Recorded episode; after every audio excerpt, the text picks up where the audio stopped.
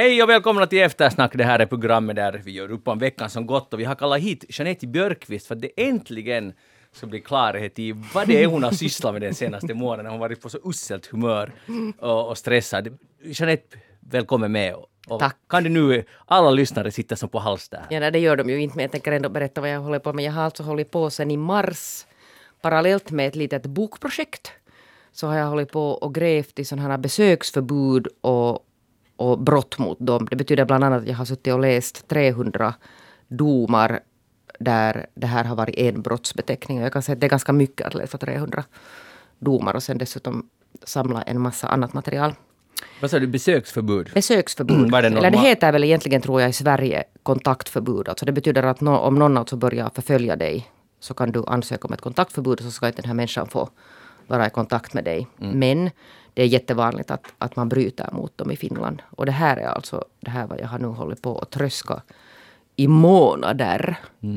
Men igår har vi alltså skickat iväg programmet här i Yles fina interna system. Så, och på måndag kommer det ut. Okej. Och det är, alltså jag säger att det är som att det där... Och sen fick jag dessutom första exemplaret av min bok i handen i tisdags. Och jag säger att det, det där att, att föda barn är ingenting jämfört med de här två processerna parallellt. Så det känns alltså otroligt skönt. Jag ska packa bilen med lite barn och åka till Barösund efter den här sändningen. Låter... Och lämna min dator hemma. Nej, det, det tror jag inte på. För jag kan jag säga, tänker kolla det där. Nej, för att jag har varit alltså faktiskt en outhärdlig människa. Jag ber om ursäkt till alla som har stött på mig här. de här Det var det där jag ville höra. Ja. Tack. Men Jeanette, en sak. Du, du väljer alltid inte så supermuntrat tema för ditt jobb. Nej, Okej, men, men eh, det är ett oaktat... det här är, inte viktigt. heller muntert. Jag vet inte, men vad är det vanligaste caset när man, någon får besöksförbud? Är det en ex-man till exempel? Jo, vi har fokuserat alltså den här MOT som kommer på, på måndagen, så det fokuserar alltså på eh, sådana fall där det också finns sån här närstående våld. Men är det det vanligaste? Och det är nog det vanligaste. Okej. Och ännu en sak, att hur vanligt är det i Finland? Men det får ni väl se på måndagen. Jag tänker nog avslöja allting här. Ja, jag Okej, men på det. måndag på arenan, eller hur? Ja. Mischa Eriksson är inkallad Javäl, äntligen. rektor i... Ja, var det? Kyrkses gymnasium nu sedan dryga två år tillbaka. Ja, för så var det. Stadigt stationerad. Ja, jag blandar för du, du, du har varit på flera olika gymnasier. det Och i är, närundervisning nu, eller hur? Ja, halleluja. Med undantag av en liten kort uh, distansparentes för våra abiturienter. Som var tre veckor ungefär. För att försäkra sig om att inte hela årskursen skulle försättas i karantän inför skrivningarna. Det, där, eh, det här är inte så relevant, men jag måste ändå fråga. Jag, jag noterade att du har just före sändningen förtjänstfullt kammat ditt hår. Ja, jag tänkte- Och skägget också, men, Ähä. men, men uh, håret med, med... Det är något som ser ut som bryllkräm. Men det är inte det. Det, det, det? är hemgjort skäggvax. Hemgjort. He- Ja, ja, ja. Nu är jag lite imponerad. Eller hur? Det är ja. coronafenomen. Ja, nej, nej, jag faktiskt just strax före coronan, jag är min egen lilla hobby att Men vad- röra ihop mitt eget skäggolja och skäggvax. Alltså nu måste du berätta, vad finns det i det? Ja. Uh, bara naturliga produkter. Naturligtvis. Där, ja, där är ett par, tre olika former av, av vax. Och sen är där några oljor och sen naturligtvis eteriska oljor, essenser, som doftar. Men vad då för vax? Alltså Ja, Där bivax? är bi, bivax är grunden, sen slänger man i lite andra former av vax för att göra det lite smidigare. Och, Var får man det köpa det här vaxet? Det finns flera butiker som säljer, det är ofta sådana naturproduktsbutiker som, som kränger det här. Och så, det här, så håller du på och sätter, "Aj, nej det borde vara lite mer av det här bivaxet. ja, och rör ihop och hittar den perfekta blandningen för den korrekta konsistensen och hållfastheten. Jeanette, det är det här jag älskar med män. Ja. Man hittar alltid en sån här nisch. Eller hur? Alltså jag, Ja. I, I love this. Och, och jag, måste, jag måste här nu Magnus, lite lite hänvisa till förra veckans program. Okej. För det finns ju naturligtvis grandoftande skäggolja. Finns det? Det finns. Jag, jag är redan där i Ja, butiken. ja. Och du måste odla skägget först. Ja. Men För att vi fick alltså, det kom ju flera inlägg på eh, Facebook som påpekade att det finns, det var mm, tall, jag visste att det finns talgoljor, cederträ, olja och sånt, men det här gran, men så var det någon som påpekade och hittade också att det finns granparfym. Mhm. Och jag, det är lite drömmen, att dofta som en gran. Men du har, har du inte beställt den? den Nej, jag, jag ska göra det, jag ska göra det. sen, sen när du har odlat ett ståtligt skägg Magnus, så sen ska jag svänga ihop en, en det där, ett skäggvax åt dig som ska heta Magnus. Och där ska det dofta av gran. Det lovar jag dig. Det här var, nu har alla hört det där, Indeed. tack. Ja. Men det blir inget sånt skägg. Men hur långt måste det vara? Bara snabbt. Ja, alltså bara så att det är värt att vaxa. Inte måste ni så gå till naveln. Jag ska fundera på det. Välkomna alltså till Eftersnack. Som ni verkar talar vi om uh, veckan som gått. Jag heter Magnus Lundén. I tekniker har vi idag Anne Heikkilä. Det här kommer bli en alldeles fantastisk sändning. Jag ska börja med att fråga Jeanette Björkqvist. Vad heter Norges konung, kung? Och herregud Harald. Bra! Hur mår han? Eh, han, han är gammal. Ja. Han är, han är intagen kanske på han, sjukhus. kanske han inte mår så bra. Nej. Nej, han är intagen på sjukhus. Precis, han är Alldeles 83 nyligen, år. ja. Och han har annars varit i riktigt gott skick, men nu har någon, det har inte berättats vad som är fel hos honom, men, men nu har i alla fall, och vi hoppas att han tillfrisknar snabbt. Eh, men det som jag, jag börjar fundera på det igen, jag skulle inte ha vetat att han heter Harald faktiskt. Jag kommer bara ihåg kung Olav, för det fanns bild på honom i typ Hissaboken, någon, bo, någon bok i skolan för 30 år sedan. Jag skulle ha klämt till med Hakon. Hakon är tydligen kronprinsen. Aha, nej, så det var ganska nära. Ja. Och jag tänker bara, det är vårt grannland och, och sådär. Och jag är nog ganska Norge-intresserad, men det här... Och jag ser det egentligen som ett hälsosamt tecken att man inte följer med. Det är faktiskt... Kungafamilj spelar ingen roll, men det intressanta är att, att han skulle ha lett statsrådet idag på slottet om han inte skulle ha hamnat på, till sjukhuset. Och jag tänker, tänker bara att, att nu är det ju ganska fantastiskt där sitter en kung, han har nu kanske inte den där kronan på huvudet, men han sitter där och leder statsrådet. Jag vet att han är säkert opolitisk och så vidare. Men där sitter han, kungen av Norge. Att nu är det ganska otroligt och ganska otro, Ganska modernt. Ja, ganska omodernt, skulle jag påstå. Eller tycker ni att jag har fel? Säg i så fall, rakt ut. I, I alltså att kungen sitter där och leder. Ja, men att, jag förstår att han inte fattar något beslut, men, Men han är att- ändå där. Men alltså vänta på din åsikt här. Kan du formulera, är du lite upprörd? Eller? Jag tycker att det är äh, nästan som en saga. Att där sitter en kung. Men är det bra man är eller- född till en viss släkt så har man rättighet Och är det i en bra full eller- demokrati. är det bra eller dåligt? Jag tycker att dåligt? det är ganska lite fjantigt. För, ja. förlåt. Förlåt. förlåt Norge, men, men ja, Mischa. Ja, alltså jag tänker lite på det här sättet att eh, det är säkert en viktig symbolisk roll som han spelar. Jag menar det är ju på många sätt och vis så, en, ser, ser du på Sverige också så, så där har ju vår kung också representerat det här landet ända sedan 70-talet. Och i vissa starka kriser så har han ju faktiskt varit liksom det här, om inte nu ansikte utåt, men liksom lyckas ge uttryck för folkets känslor, emellanåt på ett riktigt fint sätt också. Men eh, om vi då tänker då på denna kung Harald som sitter där och, och leder de här mötena, som du sa, han är ju opolitisk och han har ju inte egentligen någonting annat än en symbolisk roll, en symbolisk makt. Mm. Så på ett visst sätt så, liksom, så är det ju ett spel för gallerierna när han sitter där Precis, och, ja, och, ja. och viftar med klubban. Och i något skede måste det vara lite så att, men vad tusan, att kan vi nu inte bara låta premiärminister eller statsminister eller vad de kallar det i Norge ta hand om det här, så får jag ut och fiska lite torsk. Exakt. Eller hur? Han skulle kunna gå ut där, därifrån som en fri man. Ja, ja, ja. Och vad, vad man nu sen fiskar där på västkusten, där finns ju mycket fisk. Men, Ja, fisk finns det nog. Så- det är inte ett ja, problem nej. Så då, ta en, ta en ledig dag nu Harald, gå och fiska lite torsk, det är mitt råd. Men Jeanette, om du skulle måste hålla ett anförande till försvar för monarki, den norska monarkin, vad skulle du säga? Mm, alltså det där, nu, det är någon sån här improvisationsteater. det Ja, här. det, Det där, jag, alltså jag har jättesvårt nu, förlåt att det där kommer med något... För själva mon, den här norska monarkin, ja. Hmm. Eh, eller svenska monarkin för den delen. Det där, nu finns det ju det där, nu finns det ju säkert för dem någon sån här, sån här symbolvärde. Det är en sån här kulturell fråga. Och i Sverige till exempel så älskar man ju inte kanske kungen men man älskar hans dotter, kronprinsessan Victoria. Och det där, så länge man nu inte ger dem någon politisk makt, inte skadar det ju liksom. kanske någon. inte skadar.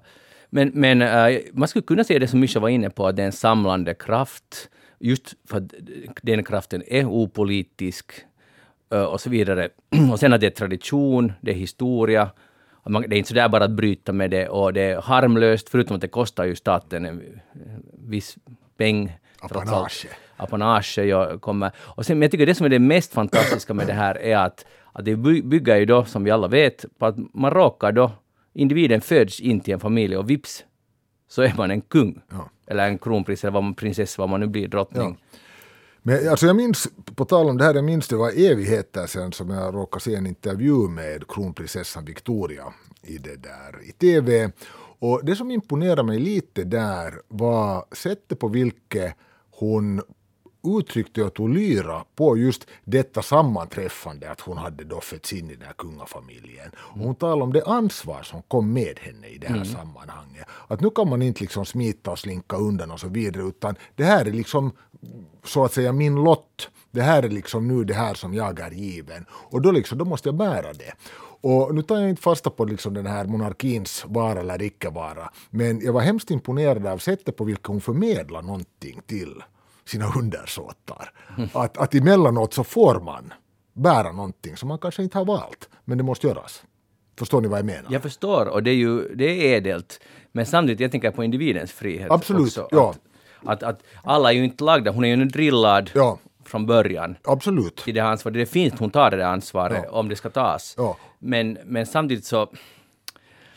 Jag tänkte närmast, Tungt. på, jag, jag tänkte närmast på hur hon uh, förmedlar hennes uppfattning om det här ansvaret. Att det var liksom en, jag tyckte det var en god rollmodell som hon, som hon där gav där. Vi, vi går vidare. Vi, Nej, jag måste bara Ja. säga det att det, där, det verkar ju nog ibland som att fin, finländarna också saknar, saknar någon sån här kung. Att, att man tittar med den här passionen som man alltså dyrkar den här president Niinistö med. Men också Så det- den svenska kungafamiljen. Jo, och sen alltså har det, så, jo, det också, men sen alltså det, det har ju lite likartade drag i det här att hur man är liksom otroligt fascinerad av, av honom och, och sen den här Jenny och sen var det den här Lenno-hunden där i något skede och nu är det liksom då deras, deras son som de håller mycket alltså helt och hållet utanför offentligheten. Men där finns ju alltså också vissa drag Absolut. som, som kanske inte alltid är helt... äh, Men då kommer vi in på en intressant, för det där är ju det där spännande, att det kanske sista slutningen är så att vi behöver en sån här figur, en landsfader, moder, att se upp till. Att det kanske är det som förenar oss människor. Ja, eller kanske att se upp till tycker jag att det är lite starkt. Men jag skulle säga i det här sammanhanget, både när jag tänker på Niinistö, varför inte nu på Victoria som jag pratade om henne, eller nämnde Carl Gustaf också, en värdeledare. Det tycker jag att det är viktigt. Det här är någon som på något sätt kan uttrycka emellanåt så här viktiga moral och etiska rättesnören som vi ska följa. Och som då just som sagt är politiskt obunden, som inte man behöver hänga upp det på liksom någon partitillhörighet och liknande. bara- Fast presidenten är partitillhörig. Jo, det är pre- presidenten, i alla fall när han blir invald. Ja. Men, men det betyder ju, det, det funkar ju bara när man har ungefär samma värderingar som den som är den där värdeledaren. Ja, ja men är alltså, jag tar nu igen den här Victorias det där ansvarsexempel. Men sen, jag såg alldeles nyligen Sauli Niinistös brev, hur han tänkte gå in i en skola och tala mobbning för att hylla den här Joppe Ruonansson som nyss hade gått bort, som inte hann med det. Och det tycker jag också liksom var en sån här typisk grej där, jag menar, vem omfattar nu inte de värderingarna? Att vi ska motarbeta skolmobbning. Sant? Bra. USA. Och det där, jag måste bara en, en sak, för vi har alltså nu, eller vi, i USA är det presidentval cirka sex veckor och nu har USAs nuvarande president Donald Trump, han har ju sagt att när de frågar, tänker hur är det med den här övergången, om det blir någon annan som vinner än du, att, hur ser du på det här att ge vidare?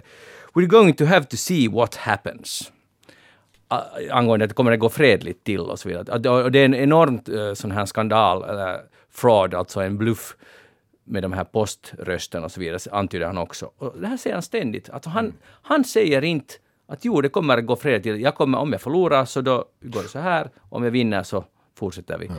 Och det är ju nog ganska häpnadsväckande, oberoende. Man vet, jag, jag förstår att det är taktik och så vidare, men tänk att i världens största demokrati, demokrati första gången sedan slutet av 1700-talet så antyder en president att ja, vi får se lite hur det går.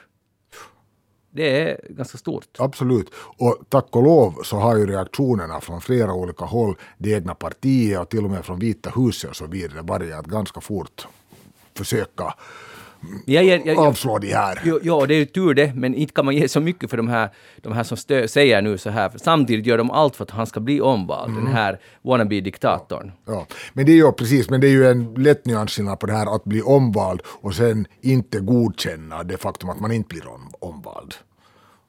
För, det är ju, för det är ju den situationen som han antyder att han inte nödvändigtvis tar emot with grace.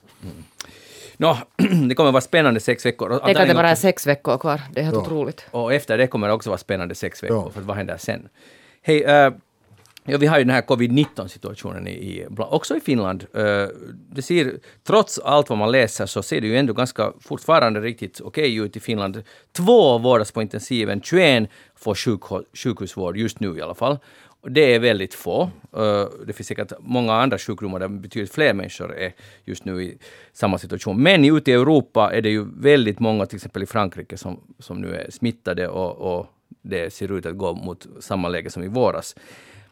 Men jag funderar ändå på att har vi journalister också en delaktighet i den här uh, oron som nog många har? För att här, jag vill bara läsa upp en liten nyhet, faktiskt nu på YLE i det här fallet, men det skulle kunna vara vad som helst. På torsdag kväll fick sjukvårdsdistriktet äh, veta att en person med hemkommun i Vasa sjukvårdsdistrikt har smittats av coronaviruset. Den smittade personen bor i Helsingfors, där hen utsatts för coronaviruset på en fest. Personen har testats och bekräftats vara smittad i Helsingfors. Hen har inte besökt Österbotten efter att hen bekräftades vara smittad. Personen mår bra och är i isolering i sitt hem i Helsingfors. Och det här är alltså det här är en nyhet. Mm. Att, och i den österbottniska regionala nyheten. Att en person som är från Vasa har fått det här och är nu i karantän i Helsingfors. Aha. Att fattar ni att, att vilken annan sjukdom ever någonsin, alltså det här är det här är inte helt nödvändigt, skulle jag nu påstå, att sätta det här, publicera en sån här nyhet. Eller igen, har jag fel? Är det här liksom löjligt? Alltså det, det, det, är en intressant fråga, för jag kommer ihåg hela våren, det är mycket möjligt att det finns fortfarande, men Helsingin Sanomat hade ju hela tiden en hel sida vikt till liksom den senaste coronastatistiken. Mm. Staplar och linjer och situationer och smittor och annat sånt här. Och jag, i praktiken, mina ögon gled över den varje gång. Mm. Att, att ja, ja, att ja, ja, jag, jag ska nog akta mig men that's about it. Men väldigt många i min bekantskapskrets var nästan upprörda att vad tusan följer inte med? Det här är ju en av de viktigaste nyheterna vi har haft på länge. Ja. Jag var så att vadå då? Att jag menar siffror upp och ner, att jag, tills det är över så är jag försiktig. Ja. ja.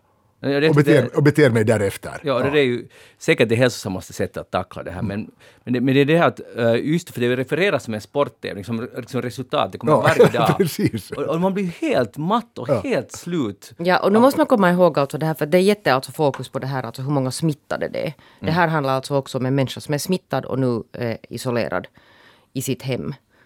Att det där, den absoluta majoriteten av de som blir smittade blir friska.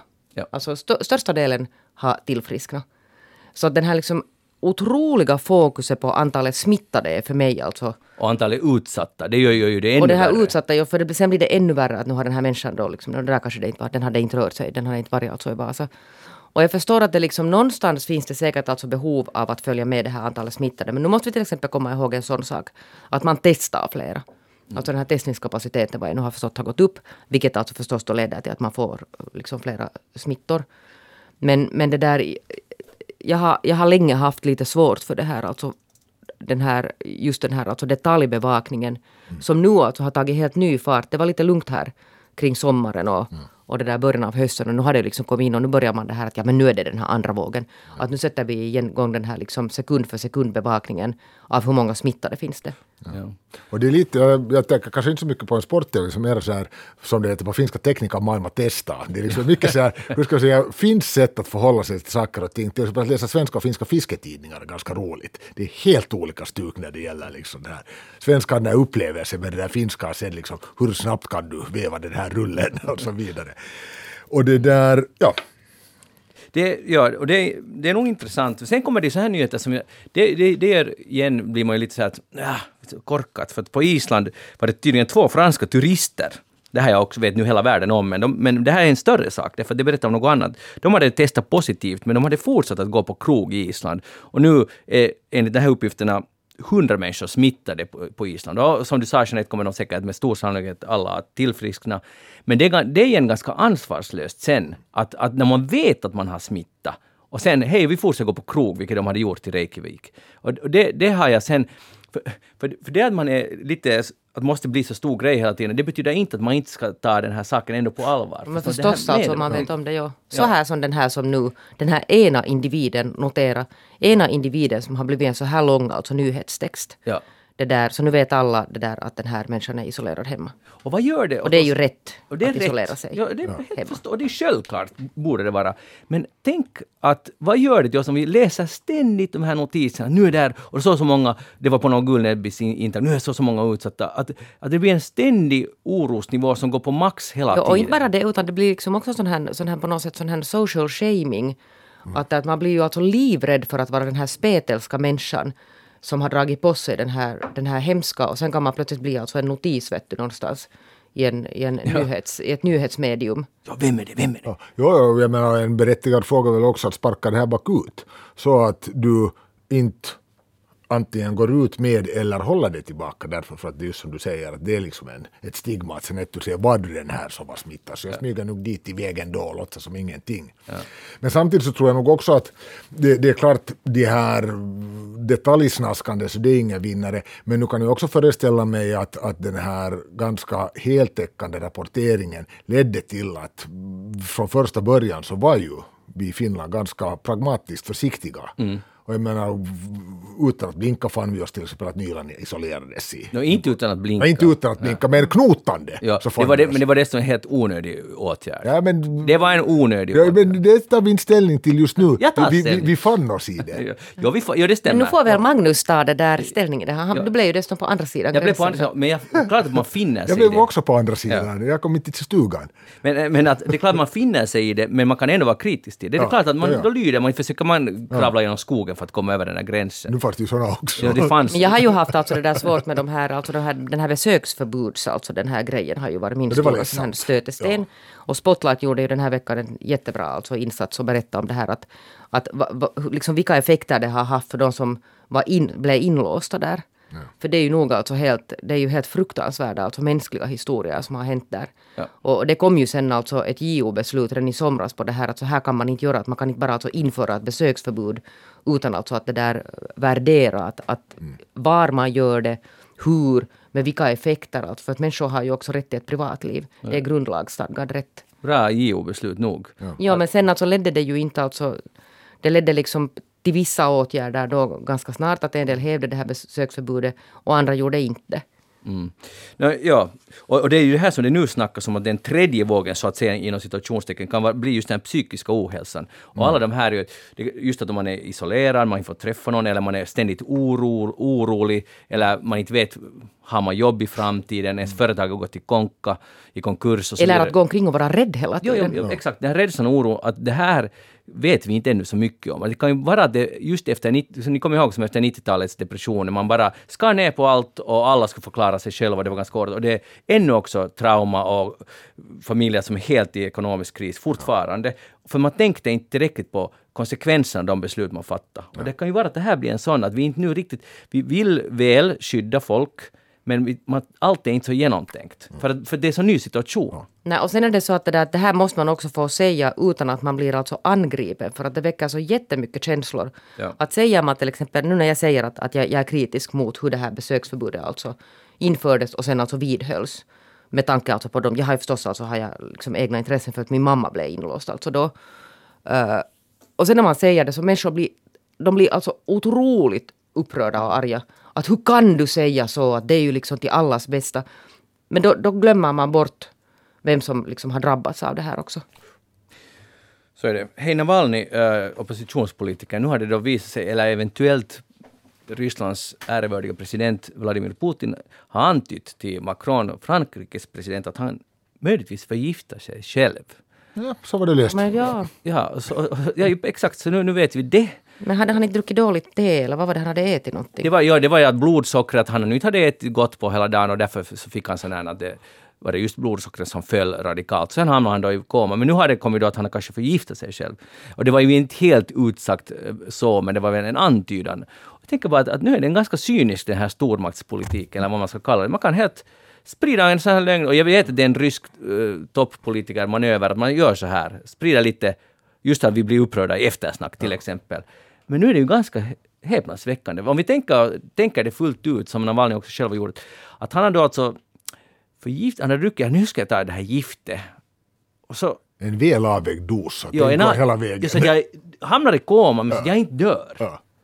Och, och, det, och det där jag ska jag stiger, okej okay, det blir ganska bra om, det, om jag slår till just där i Sibirien i flyget, så kanske de kan nödlanda och okej, okay, och sen får vi räkna med att de kan ta hand om mig där i Tomsk eller vad det är, Omsk, var det, Tomsk var det, och okej, okay, och sen, ja sen säkert fixar det sig att jag kan flyga till Tyskland och få bra vård, och så överlever jag, och så vaknar jag, och sen börjar motdraget. Alltså, tänk! Det är, det är skrattretande.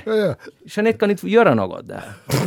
Ja, vad ska jag göra? Författa ett brev? Ja, ett, förut så skrev man brev från Amnesty till olika elaka ledare. Men, men Det gör man också, nog säkert ännu. Ja. gör man inte. Men jag menar, säkert är det en, en förbluffande stor del av, av befolkningen som här och där som sväljer det här. Nå, det är Och det där problemet. Ja, eller hur? Eller hur? Jag menar, det, och det gäller nu inte bara Putins rökridåer utan som vi alldeles just pratade om det här USAs val.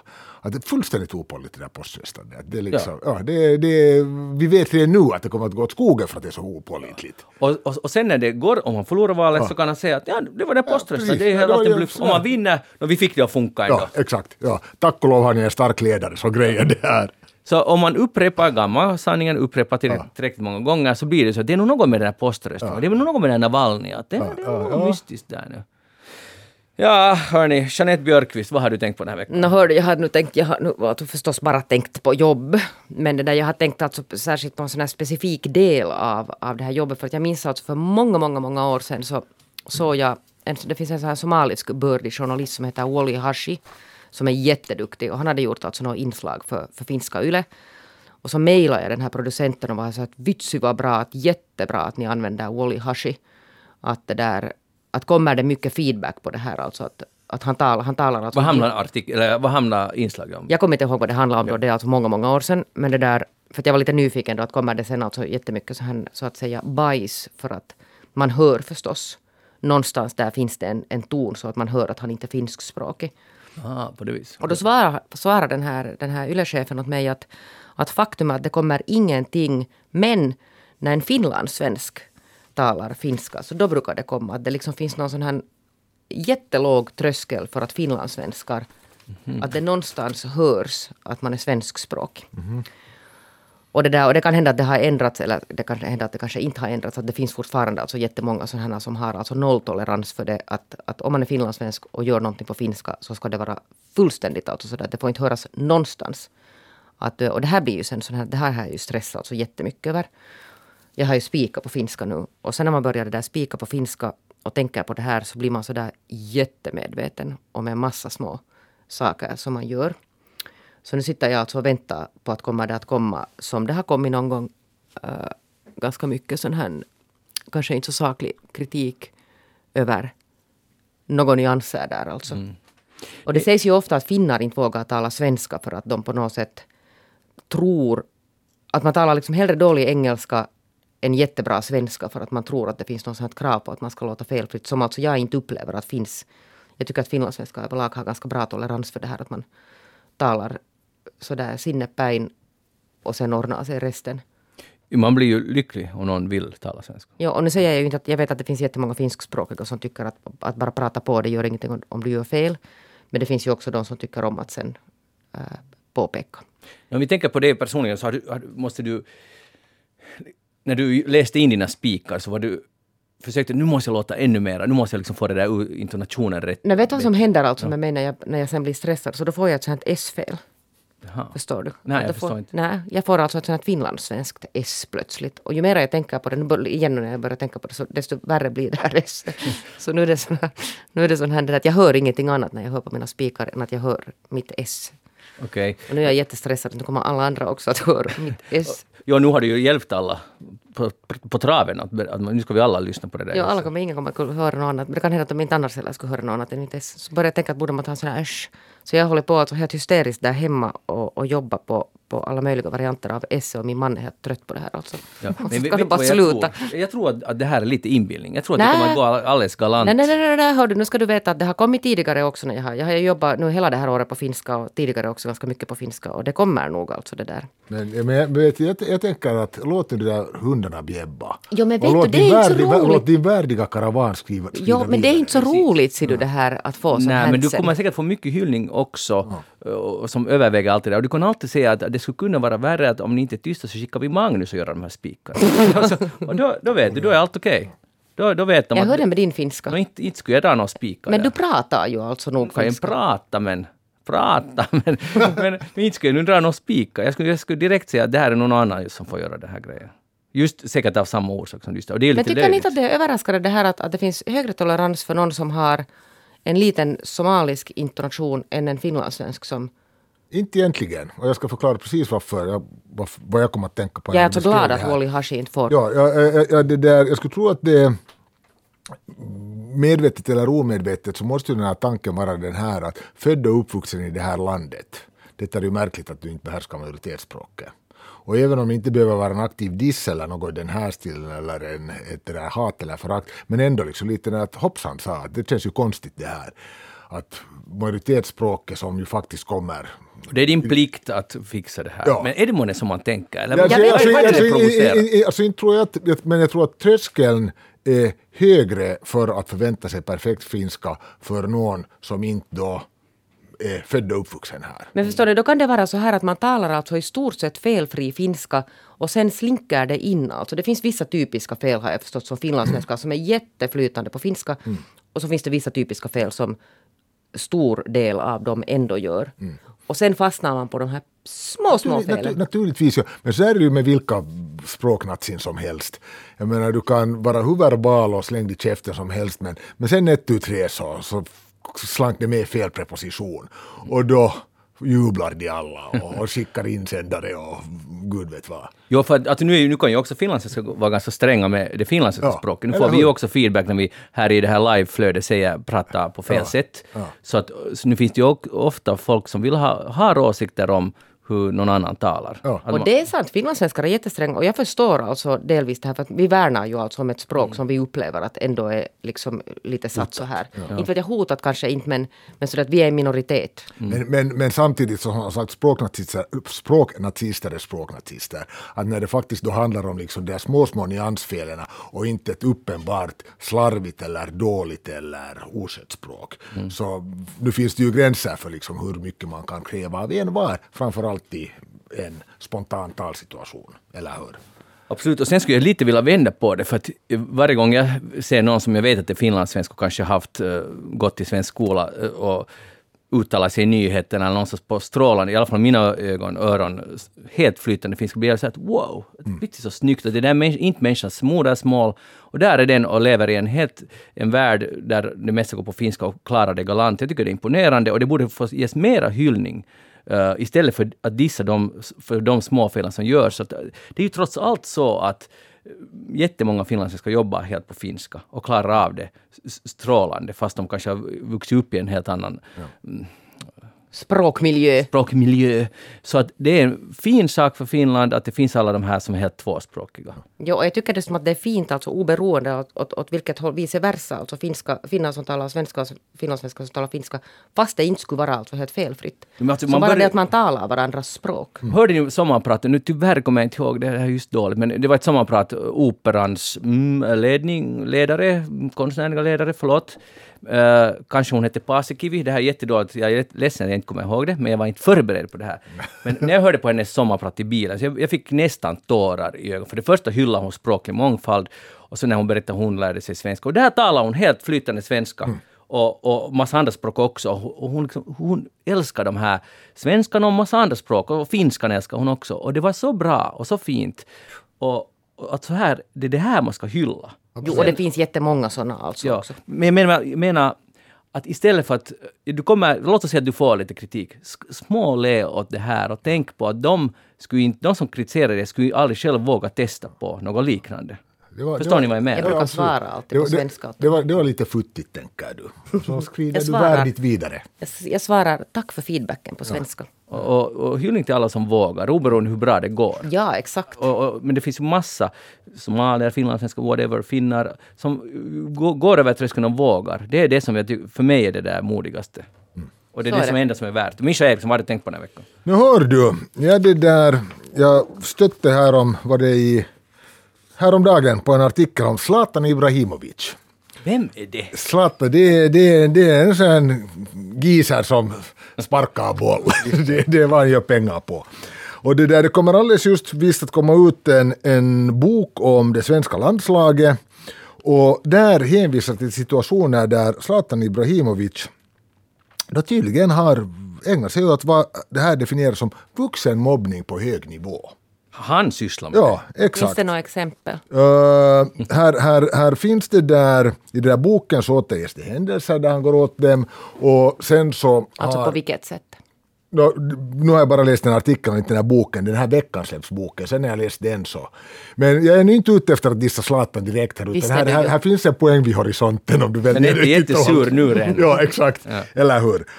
Och sen är då en, en ledare med erfarenhet från landslaget som då ger den här författaren rätt och säger att det är så här det har gått till och den här, uh, det har funnits faktiskt ganska otrevliga utspel från Zlatan mot sina landslagsspelare, medspelare. Där han bland annat har sagt något till mig, fan vad du är ful och annat sånt här. Och tydligen i sammanhang då när han antingen inte har kommit bra överens med de här eller, eller sen det där uh, haft orsak att kritisera insatsen där på fotbollsplanen eller hur. Och sen här då en, en där landslagschef under Ibrahimovic tid som då liksom har, har det där försökt om inte nu avfärda men det där tona ner det här och sagt något stil med att vad som händer i ett omklädningsrum stannar i omklädningsrummet och man måste ha levt i det för att förstå hur det är. Och jag kommer osökt att tänka på det där Trumps locker room talk i det här sammanhanget. Att, att som om det liksom ett, tu, tre grabbar skulle förvandlas till grottmänniskor när man kommer in i ett omklädningsrum. You can do anything. Och då, och då kommer, du kan du anything, och då kommer ditt riktiga jag fram, att resten är nu bara fernissa när du är ute och går. Men det var liksom egentligen har suttit och dels så är det den här klassiska grejen att uh, hur perfekta förväntar vi oss att våra idoler är? Eller hur? Att ska din förebild faktiskt få vara liksom så fullständigt fläckfri eller kan du acceptera lite skönhetsfläckar? En frustration efter en misslyckad match där han då liksom kanske lite går eller tydligen går över styr. Eller är det faktiskt så här att någonstans går gränsen? Och hur långt kan vi gå i det här? Och då tycker jag att vi igen tänker på de här situationerna i USA där många av de här viktiga personerna ur historien, nu ett, tu, tre, börjar tonas ner för att de då antingen då har till exempel på 1700-talet arbetat inom slavbranschen eller för att de på annat sätt då representerar någonting på 1700-1800-talet som inte kommer att få idag. Förstår ni vad jag menar? Ja, förstår. Och, och det, liksom, det var det här som jag blev hemskt mycket att fundera på, inte har något svar, men, men jag tycker att det är en intressant, intressant fråga här, för samtidigt har ju Zlatan också på många sätt och vis varit en viktig förebild för invandrarungdomen och, och för sporten och så vidare. Och för Jeanette Björkqvist. Och för Jeanette Björkqvist, ja. Men, men får man i denna hjälte, på denna hjälteposition, sen göra nästan vad man vill? Nå, nu är det ju så här att det har ju, inte, det har ju alltså skrivits alltid då och då om det här att, att Zlatan beter sig lite dåligt och han är lite så här uppkäftig och arrogant och sånt här. Att det är liksom en, att, att han är, det är ju liksom inte okänt. Sen vet jag inte att ska man nu liksom sen börja så där specifikt plocka upp att hur han har betett sig i ett omklädningsrum, att gå dit och berätta om hur de andra också beter sig. Så där att, att det där, det är nu knappast bara Zlatan som är ensam skyldig till någonting. Men det där, nu är det ju så att Men, men, men kan man ändå godkänna det om det är många? Gör det det Men det bättre? där, jag, kan, alltså jag måste ju säga att, att, att, att han, är ju, han är ju bara en människa fast han ändå är mycket större förstås. Du är ute på jättedjupt vatten, men du Jag vet. ännu rädda det. jag vet, jag försöker klättra upp härifrån. Vad tycker Magnus? Vi kastar en flytväst i Jeanette och så fortsätter vi. det där, eh, ja. Ja, alltså för det första så, så jag tycker inte det är helt strunt, alltså helt strunt, det är lite strunt, men att, att det som händer i ett omklädningsrum, jo det, är- det, det är ju löjligt säger det, det är st- stannar där, men det är klart det, att det kan vara en jargong som utskrivet på papper ser jättebrutal ut. Och särskilt om man bara skriver det på en människa. Ja, precis. Det är lite mobbning kanske. Nu, tyst nu. Men så, så att det, det, det tycker, kan jag nog hålla med om, för att om man skulle själv bli citerad allt man har sagt i livet i vissa sammanhang, så inte skulle det bli någon vacker läsning. Så, så man måste också, man kan inte vara så alltid så fördömande till allt som någon har sagt någon gång. Men, men sen en annan sak, Är det en vana? Är det en vana? Och ha, ha, han mobbar någon? Är det någon där som han har liksom gått åt hela tiden? Systematiskt under en lång tid. Ja, så, så, så då, blir det, då är det mobbning och så vidare och då, då är det ju en annan sak. Och, och sen är det ju, Zlatan har ju underhållit oss just för det som du sa Jeanette, att han har mm, varit så kaxig och så arrogant och så osvensk i, i de där frågorna. Och det har ju varit, det är, hans, den här biografi är ju otroligt underhållande. Och man blir, man blir lite matt. Att, eh, vi, vi, förlo, vi förlorade 2-1 men jag var grym som vanligt. Liksom det, det, det är sådär att alltid och sen nia sig själv eller via sig själv. Han är liksom och det är ju en image, det är ju en, ett brand, varumärke han har byggt upp. Men nu är det ju smart tänkt. Men, men, men då, liksom, då vill jag kontra med den här frågan. Alltså kaxig, arrogant och självsäker, jo, det gillar ju vem som helst. Och det, nej, inte gillar alla det. Nej, inte alla. Nej, nej, det beror också på vem som är. Mm. Eller hur? Ja. Jag menar, det, ja, han har nog provocerat jättemycket ja, i Sverige. Men, men, men så vi så, kaxig, arrogant och självsäker, det är ju... Det, det omfattar... Men sen när du går över någon gräns som jag kanske ser det och blir en skitstövel. Mm. Och, och hur ska vi säga, klättrar på andra eller, eller är kaxig på andras bekostnad då börjar det ju redan liksom kännas lite fläckigt. Men det finns det väl inga, liksom, ingen belägg för det? Det är just precis det här vad de talar om när de säger att det är vuxenmobbning på hög nivå. Ja, om men det är vuxenmobbning på hög nivå så då är det ju, det är ju hemskt. Ja. Jag tycker och, inte att vi kan sitta nu där och, och fördöma mm. honom utan att veta men, vad det handlar men, om. Men jag är kanske inte så hemskt ute efter just precis den här Zlatan-casen här utan jag är liksom mer också intresserad av den här tanken som Zlatan nu överlag som representant för, ni vet den här klassiska döm inte konstnären, döm konstverket. Mm. Att om du har ett fantastiskt konstverk så spelar det någon roll hurdan person det bakom ja, det. Och det här har vi ju diskuterat ett par gånger, Woody Allen till exempel. Ja, exakt. Det är extremt knepigt, ja, knepigt fall. Men ja. nu, nu, nu, nu tycker jag att det tar lite glans bort från konstverk och ganska mycket också mm. i Woody Allens fall. Ja. Alltså, det, många av hans filmer, jag älskar dem. Ja, men no, nu, nu blir jag lite så här att uh. Ja, no, framförallt som hemskt många av dem ju faktiskt handlar om förhållanden och ja. sexualitet och så vidare. Så då liksom blir det ju en viss kladdighet över det hela. Ja. Men om man till exempel då bara skulle ha, säg varit en, en vacker landskapsfotograf. Mm tar man ner foto då och man hör att han ja. är, hen är egentligen en skitstövel ja. på alla sätt. Ja jag, jag, tror kanske att jag tar ner det. Och det där är ju jättesvårt. Uh -huh. Hur ska man riktigt förhålla sig? Ja. Jag vet inte svaret. Men i Zlatans fall så, det, det som det har varit snack om också är att, att uh, hans ego rymdes helt enkelt inte in i landslaget. Att det liksom bara inte funkar för den svenska taktiken byggde på att det finns inga stjärnor. Och, och, och de var ju ganska bra på det. De var ju bra på det. Men det, och så har de en som är en av världens största stjärnor. Och, han så, och medveten om det. Ja, och hemskt medveten om det. Och jag tror att han till och med lite föraktar sina medspelare. mm. Och, och, och då, då, då, var jag lite sur på honom, för jag diggade det där svenska. Det byggde bara på ett lag, fotboll som på ett sätt som bäst. Det, är inte så, det är inte så glamoröst, det är inte så snyggt. Men vad gör man i Sverige och i VM? Man är ganska i knipa. Ja, man, man, måste... spelar, man spelar sig till och med till brons ibland. Ja. Så, så, så, så det var ju ett problem och de var ju säkert livrädda för att Zlatan nu senast skulle ha kommit med när han hotade lite att han skulle ändå, ja jag kommer med. Liksom, han kan bara anmäla ungefär att han är med. Uh, så att, men samtidigt är jag också helt fascinerad av honom. Och till exempel det här målet mot England, om vi nu går in på sport, då när han uh, springer, alltså målvakten slår ut bollen, han springer tillbaka och han drar en saxar över huvudet. Ja. Hur det, var. det är ju helt, man kan kolla på det hur många gånger Absolut, som helst. ja. Att hur är det där och, och, det var, och det var inte ens fusk som Maradonas, Hand of God. Alltså, utan det, var det stämmer, det här är det som Woody Allen, att en, en briljant, helt så här fantastisk, ja. the best. Men tänk nu på att när Zlatan åker hem dit till Malmö så brukar han gå dit till Rosengård, till den här pizzerian där han alltid har ätit. Så kommer han susande där nu för tiden med en sån här stor fin bil. Och sen köpte han ett hus åt sin mamma. Det ska ni tänka på. Mm. Fantastiskt, ja, det är ju helt otroligt. Tänk att han gjorde ja. så med sina pengar. Ja. ja. Han hjälpte sin morsa. Och sen köpte han det där ljus dit åt de här ungarna där i Rosengård. De här, de här barnen som växer upp där ska kunna spela fotboll. Så han såg till att de fick en vettig mm. fotbollsplan. Det var fint. Ja. Och, och säkert han, eller det vet vi att han har varit föredöme för många. Men tänk om han Alltså han måste ju ha inspirerat, eller han har ju inspirerat massor av människor, men det är lite ledsamt nu om det visar att han är skitstövel och man tycker att det är sådär man ska vara. Mm. Eller hur? Komma långt. Ja. Ja. Då är det inte så bra. Det, det, det, mm, det är lite men man måste komma ihåg varifrån han kommer. varifrån kommer han? No, han kommer från Rosengård, alltså det är en helt osannolik alltså, hjältehistoria att han har lyckats alltså, klättra upp till det här. Ja.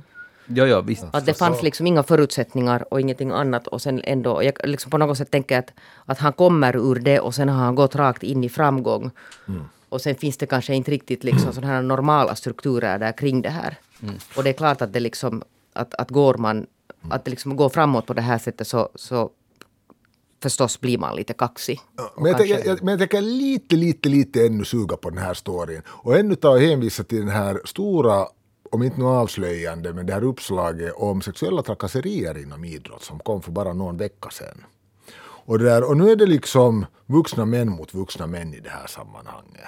Men hur skulle vi ha känt det om han skulle ha betett sig... Det där är nu bara teori. hör du. Jag Nej, nej, bara- nej, nej, nej, men en, en motsvarande case, ja, men det skulle vi inte ha svalt en sekund den här, eh, en sexistisk jargong till exempel. Om det Eller komma- rasistisk. Ja, Nej, då skulle du bli jätteupprörd. ja. Ja, ja.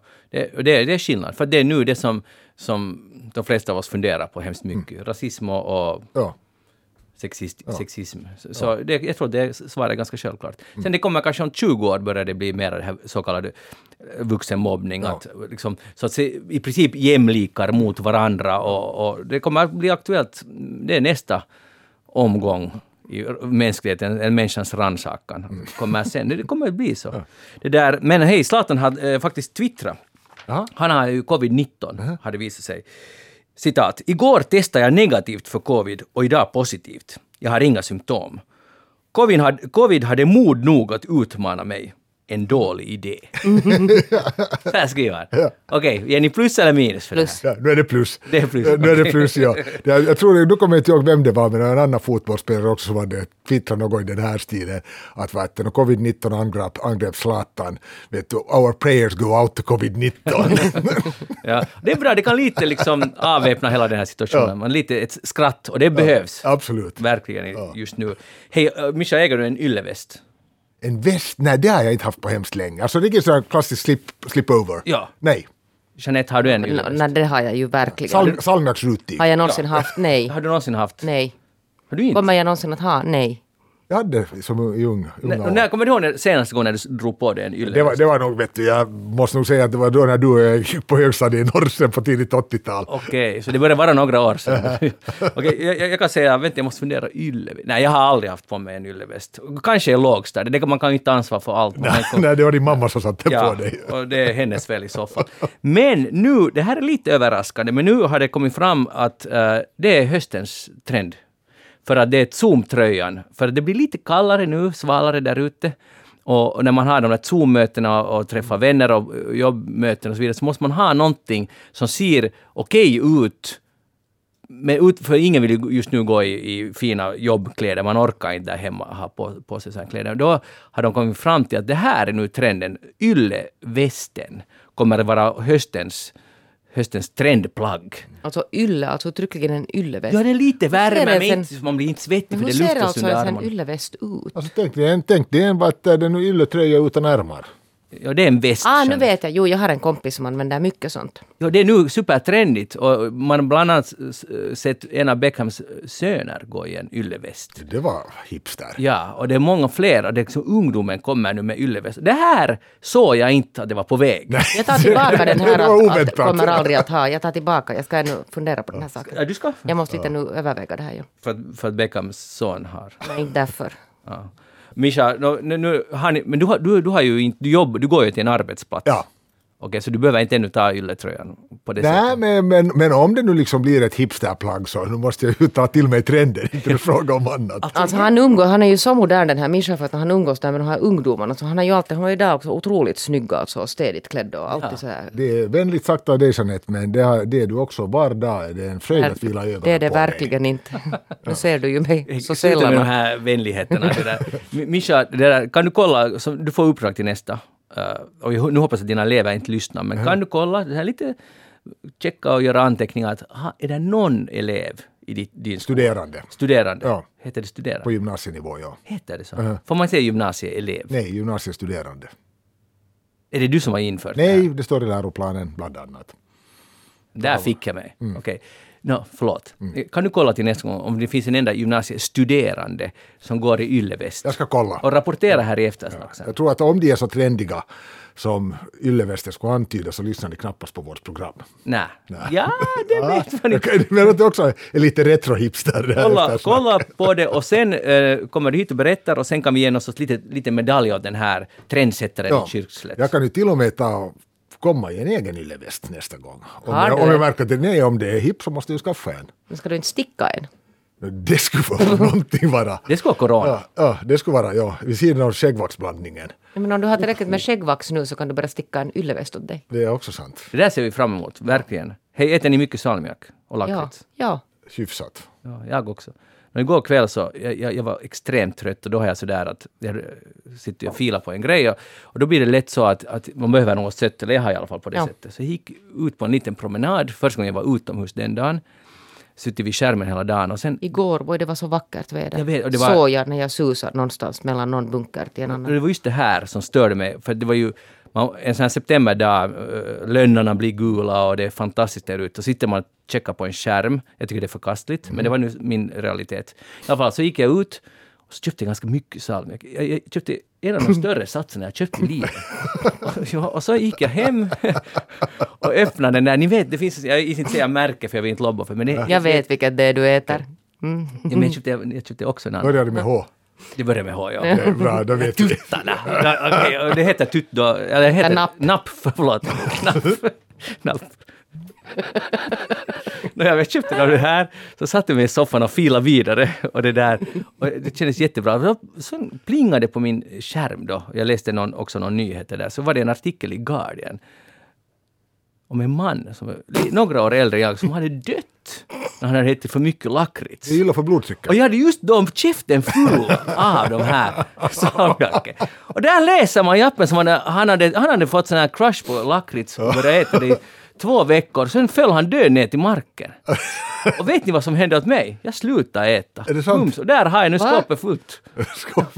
Så uh, hur långt in i påsen kom du menar jag? Halvvägs. Halvvägs. Ja, och jag var orolig för att överleva den här natten. Ja, ja, men, så, ja. men så här är det ju. Menar, Men har du koll på ditt blodtryck? Uh, det är inte bara blodtryck, blodtrycket utan också något kalium. Att kaliumnivåerna i kroppen får helt, eh, liksom, ska, att de blir helt röriga, får helt sekasin helt enkelt. Och, och, och, och sen kan man då hjärtstillestånd och allt det här kommer, plus då det här blodtrycket. Kanske de här hä- sakerna hänger ihop. Jag är inte läkare som ni märker. Men, men det har ju varit länge känt att salmiak och lakrits inte är så bra. Men det är ju förbannat gott. Men, men nu, nu blir jag lite betänksam. Att borde Nej, man nu nu ska det i sin fast Men mått, alltså måtta i allt. Måtta Ja. i allt. Inte ska du heller dricka en korrier varje dag. Men om du tar en bastuöl till veckoslutet så doktorn tummar för det.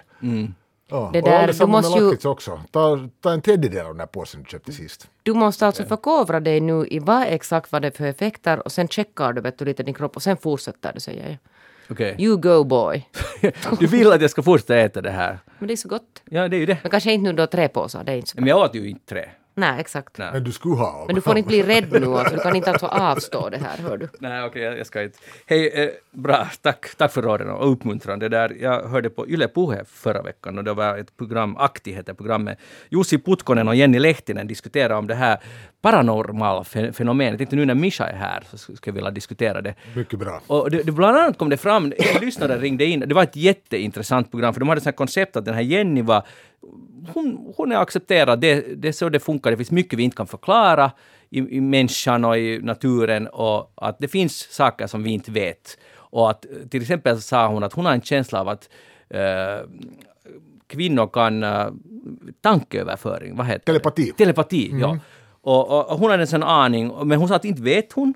Men hon var helt så öppen för det och den här andra killen var jättedissa henne jättehemskt mycket. Allt kan förklaras med vetenskapliga metoder, eller, eller ska vi säga förklara, allt kan förklaras vetenskapligt. Om det inte kan förklaras så vet vi att det inte kan, men det kommer någon dag att kunna förklaras. Det är som Misha ungefär. Ja, äh, vad sa du att han Jussi Putkonen? Ja. Jag ska ringde- skicka honom ett julkort. Bra, så ringde då en lyssnare in och hon, hon började, hon gick hårt ut. Hon sa att hörni, de har levat i, vad det nu, 60 år och jag vet att kvinnor sy, kan syssla med telepati. Vi snackar med varandra via, ja, via telepati. Och hon var så seriös och så kunde så att säga bevisa det, alltså inom situationstecken i alla fall. Och det blev en ganska intressant diskussion, för hon sa att så här är det. Och män kan inte alls, men kvinnor kan. Och Jeanette, stämmer det här? För det är enligt din uppfattning. Telepati. Ja. Att du vet ungefär vad din bästis tänker, eller din, din mamma eller att, att du... Jo, men det har ju inte alltså, jag, jag skulle inte säga att det har med telepati att göra, utan det har att göra med att man känner en människa. Alltså det där, min dotter går ju omkring och tror, kanske inte mer nu hon så, så stor, men hon gick ju omkring och trodde att jag kunde läsa mummos tankar, alltså min mammas tankar. Hon har ju grav afasi och kan inte tala. Men jag vet ungefär ändå på, på det stora hela vad hon vill ha sagt utan att hon säger någonting. Men det är ju inte telepati alltså. nej, det kanske inte- nej, Utan, nej. Och, det, och, och samma sak alltså med min bästis, att nu kan jag ju liksom sådär ungefär att vi samtidigt tänker. Men det handlar bara om att man är så synkroniserade. Och inte om något liksom att man läser Och- några och- tankar. Och jag, och jag skulle till och med vilja, vilja det där inte bara tala om mor-dotter-syndrom, utan har du levat länge i ett parförhållande, så nu vet du ju precis vad, eller ofta vet du vad den ena tänker säga strax före det kommer. Jo, och det är inte könsrelaterat. Det är verkligen inte könsrelaterat, det går åt båda hållen. Ja, okej, okay, sen kom det andra, andra exempel var det här, vet ni, någon nära och kär dör, eller går bort, och så drömmer man, och det var ett exempel från en familj där både son, eller var det dotter och mor, hade drömt samma dröm. Exakt samma, om, om, om och låt oss säga att det var pappan som hade dött, som kommer och tar armen och tar en i handen och säger kommer du med? Mm. Båda hade något motsvarande. Det var ganska kusligt och sådär. Ja. Ganska intressant tycker ja. jag. Och igen blev det dissat av ena och, och det andra trodde att det, är, det är någonting där vi inte förstår. Ja. Uh, Mischa, vad säger du? Alltså, kort kommentar. Alldeles kort, alltså det, är ju, det är ju en härlig slump. Det är ju alldeles samma sak, du tänker på din gamla goda vän Mischa, att det var länge sedan jag pratade med honom och så ringer telefonen, har du Mirgesen, det är mm. Mischa där. Mm. Och då beaktar du inte hur många gånger du har drömt om Mischa eller tänkt på Mischa utan att han ringer. Just det här, exakt samma argument kom Tack. fram där. Jag, jag, jag, tycker bara, jag tycker bara Mischa, din, din förklaring, jag, jag tycker bara den är lite tråkig. Den är lite sådär... Jag tycker att, Skulle du vilja tro på det här? Ja, men, alltså, jag, jag tycker ju att de där härliga slumparna är ju just vad namnet säger, ja. härliga. Ja, alltså det, att, ja. det att man, jag drömmer om Mischa och så träffar jag Mischa. Inte, tror, jag, tror jag att vet du, det är liksom större än... Det är ju bara en slump, men det finns andra saker kanske som vi kan förklara. Men, men vi, det här, vi måste ha ett speciellt temaprogram om det här. Ja. För det är jätteintressant. Och, och jag tycker man ska låta nu människor så att säga tro och veta vad, i den här frågan, vad de själva känner för. Men det var en kille ringde in och, och sa att när han, alltid när han hade sex med sin flickvän så berättade flickvännen och han kommer inte riktigt ihåg det själv, men alltid efteråt började han tala i tungor. och, och, då tänkte jag att det kom ut ett språk som ingen kände till vad det var. Och det hände alltid efter att till slut blev det slut sen. Och jag, det, jag förstår den här kvinnan, för det är ju lite skrämmande. Ja. Att den här mannen man just älskar med så talar nu ett språk som ingen begriper. Ja, absolut. Att så kan det gå också. Ja, men det händer ju på gudstjänster också. Visserligen. Jeanette Björkqvist, tänk på den här saken. Och herre, du var med här idag. Uh, trevligt. Ja. Mischa Eriksson. Tack. Fortsätt odla skägg och, och vaxa. Vårda. Vårda. Jag heter Magnus Lundén och ni får gärna gå in på facebook.com eftersnack och tycka till om allt vad vi tyckte till om idag. Eller e-posta oss på eftersnacksnabelayle.fi. Och då hörs vi igen om en vecka. Till dess, ha det så skönt. Hej då!